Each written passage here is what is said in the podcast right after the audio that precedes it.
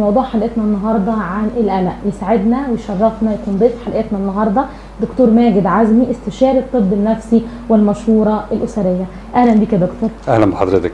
دكتور في الظروف اللي إحنا بنمر بيها دلوقتي آه، ظروف كورونا الناس خايفة على أولادها وعلى نفسها وعلى كل آه، يعني المقربين ليهم. فاحيانا القلق ده ممكن يكون سبب من الاسباب اللي تخلي الإنسان مش عارف أصلا إن هو يمارس حياته. بس في الأول يا دكتور حابين نعرف آه، إيه تعريف القلق؟ يعني إيه دكتور القلق؟ طيب آه، خلينا بعيد عن ال- التعريفات العلمية يعني ال- ال- المعقدة شوية.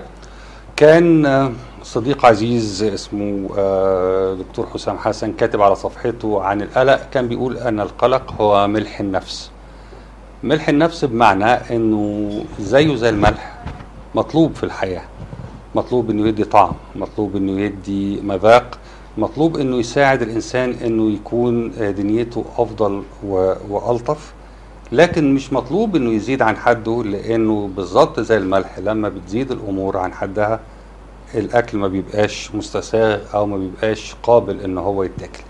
فالقلق هو إحساس داخلي بيظهر في صورة آه، نوع من أنواع ال- الشدة والانزعاج وبيخلي الإنسان متأهب إنه ياخد مواقف مهمة في حياته. عشان كده إحنا بنقول إنه هو مهم وإنه إحساس في الأصل طبيعي ومطلوب. إني لما أبقى عارف إن مثلا عندي امتحان بعد يومين لازم أقلق وأقوم أذاكر. إن عندي آه، آه، بحث لازم أخلصه لازم أقلق وأقوم أشتغل فيه. حاجة وجعاني في جسمي لازم أقلق وأقوم أكشف. فجزء من القلق زي جزء من الملح مطلوب في الحياة عشان يساعدنا إن إحنا نكون بنأدي حياتنا بصورة كويسة. لكن هي المشكلة لما الأمر بيزيد ويبتدي الإحساس بالإنزعاج ده يزيد ويبتدي الإحساس بالهم ده يزيد فجأة الدنيا بتتقلب وبيقل إنجاز الإنسان وبتروح الدنيا في سكة فيها الشخص عاجز عن إنه يتحرك عاجز عن إنه يذاكر عاجز عن إنه يروح يكشف في بعض الأحيان في ناس آه، بتحس إن هي آه، إيه ده أنا عندي حاجة وجعاني هنا أنا قلقان شوية أنا لازم أروح أكشف.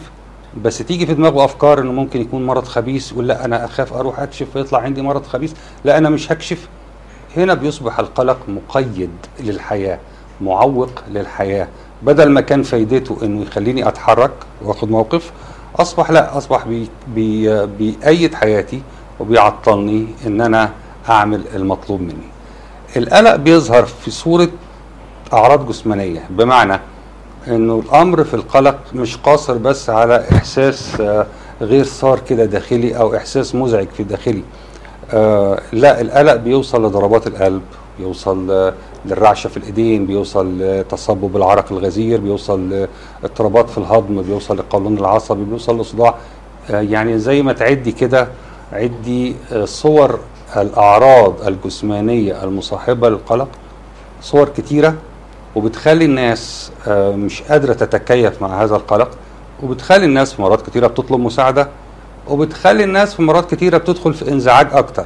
يعني أنا حسيت بقلق من الامتحان فابتديت أحس إن ضربات قلبي سريعة فبدل ما أعالج قلقي من الامتحان لا رحت أكشف على آه، ضربات قلبي السريعة فالدكتور يقول لي ما فيكش حاجة فابتدي أقول لا يبقى الدكتور ما اكتشفش المرض اللي فيا فاقلق أكتر.